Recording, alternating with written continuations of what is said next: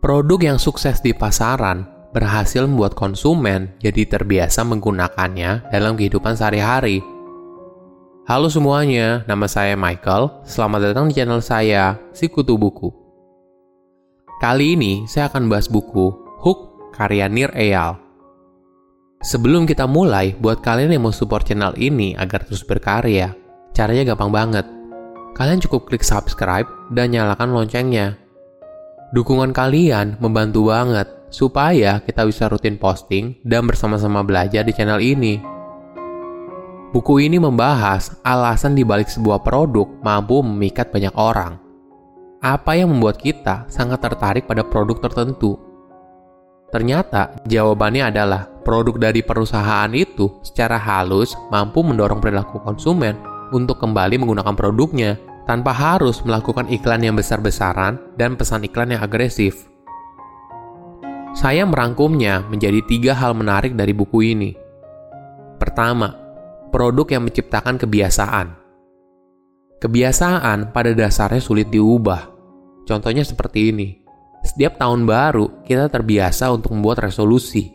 Entah itu makan lebih sehat, mulai menabung, atau mulai berolahraga. Tapi setelah jalan seminggu, kita kembali ke kebiasaan lama yang buruk. Kebiasaan muncul karena otak kita ingin menghemat waktu. Otak kita melakukan apa yang sudah terbukti berhasil di masa lalu. Sebagai contoh, orang yang punya kebiasaan gigit kuku ketika sedang gugup, hal ini mungkin terjadi karena dulu ketika kamu gigit kuku, itu membantu kamu untuk lebih rileks. Sehingga kamu melakukan hal itu secara tidak sadar. Yang jadi masalah adalah ketika sebuah kebiasaan sudah terbentuk, akan sangat sulit diubah. Riset membuktikan ketika kita berusaha mengubah rutinitas, otak kita dengan mudah akan kembali ke rutinitas lama. Jadi, bagaimana caranya? Kita harus melakukan kebiasaan baru secara rutin, hingga akhirnya kebiasaan itu menjadi bagian dari hidup kita yang tidak terpisahkan. Inilah yang dilakukan oleh Facebook atau platform media sosial lainnya produk itu berhasil membentuk kebiasaan. Kita tidak hanya melihat produk mereka sebagai alat yang kita gunakan, tapi produk mereka telah menjadi bagian dalam hidup kita sehingga kita merasa ada yang kurang kalau dalam sehari tidak membuka media sosial. Inilah rahasianya. Produk yang sukses di pasaran, terutama di online, mempunyai satu benang merah yang sama. Mereka mampu menciptakan kebiasaan. Ada banyak alasan kenapa tipe produk ini punya banyak keuntungan. Pertama, tipe produk ini mampu memikat konsumen dalam waktu yang lama. Kebiasaan adalah sesuatu yang sulit diubah. Jadi, apabila sebuah kebiasaan sudah terbentuk, kemungkinan besar konsumen akan menggunakan produk ini dalam waktu yang lama. Dengan kata lain, cara ini mampu menghasilkan keuntungan perusahaan dalam jangka panjang. Bukan cuma soal uang, konsumen juga dengan senang hati akan menceritakan produk kita kepada orang lain. Sebagai contoh, TikTok bisa terkenal karena kita suka melihat konten TikTok di media sosial yang lain. Jadinya kita penasaran dan akhirnya kita masuk. Dan lama-lama terbiasa buka TikTok setiap hari tanpa kita sadari. Kedua, produk yang sukses membuat kebiasaan memiliki nilai kompetitif yang tinggi Mengganti kebiasaan lama dengan kebiasaan baru butuh perjuangan. Itulah sebabnya, ketika kita berusaha mengubah kebiasaan konsumen, maka kita perlu menawarkan sesuatu yang lebih bagus daripada yang lama, sehingga mereka tertarik untuk mencoba dan kemudian lama-lama menjadi terbiasa. Contohnya layar sentuh pada handphone.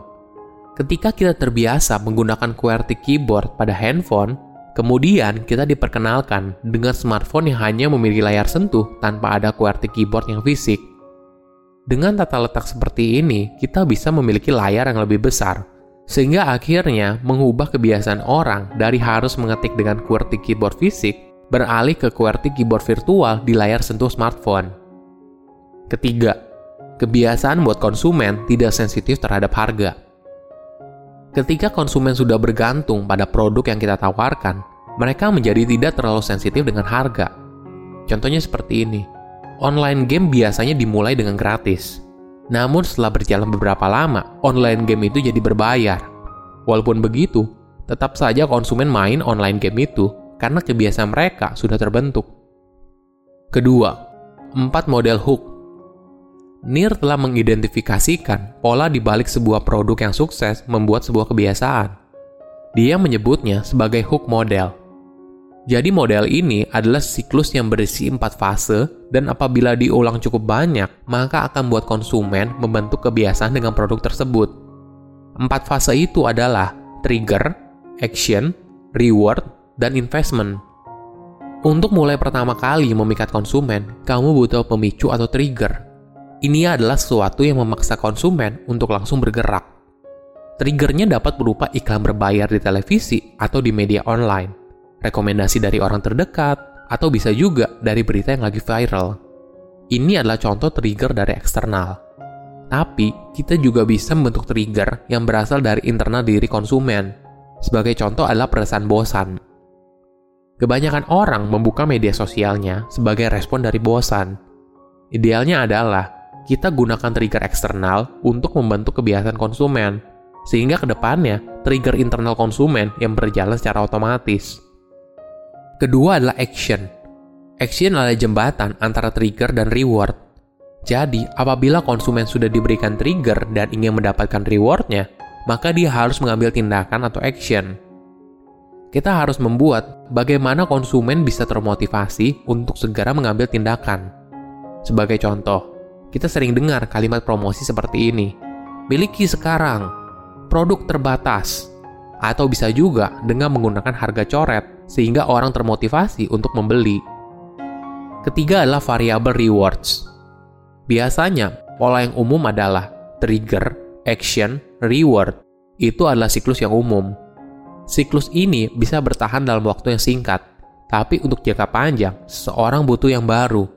Itulah pentingnya bukan hanya sekedar rewards, tapi variabel rewards. Jadi, konsumen tidak bisa menerka reward apa yang dia dapat. Sebagai contoh, like, comment, dan views di YouTube. Kita tidak akan pernah tahu berapa banyak like, comment, atau views yang kita dapat. Ketika kita berhasil membuat video yang viral, maka muncul kesenangan tersendiri karena ada unsur yang tak terduga di sana. Keempat adalah investment. Untuk membuat sebuah kebiasaan bertahan lama, harus ada investment yang dibuat oleh konsumen.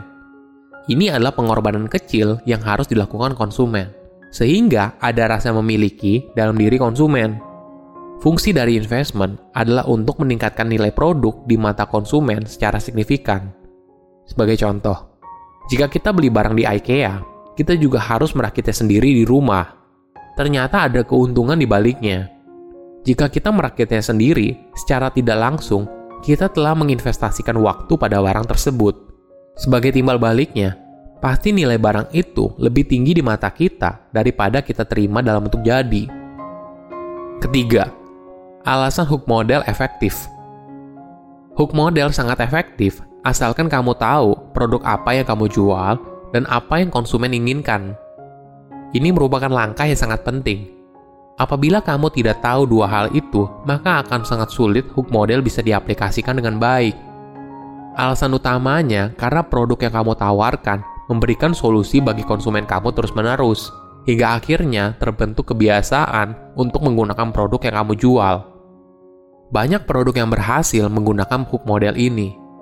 Oleh karena itu, penting juga kamu sadari untuk menggunakan hook model dengan bertanggung jawab. Jangan gunakan pola ini untuk memanipulasi orang lain. Kamu punya tanggung jawab moral ketika membuat seseorang memiliki kebiasaan baru.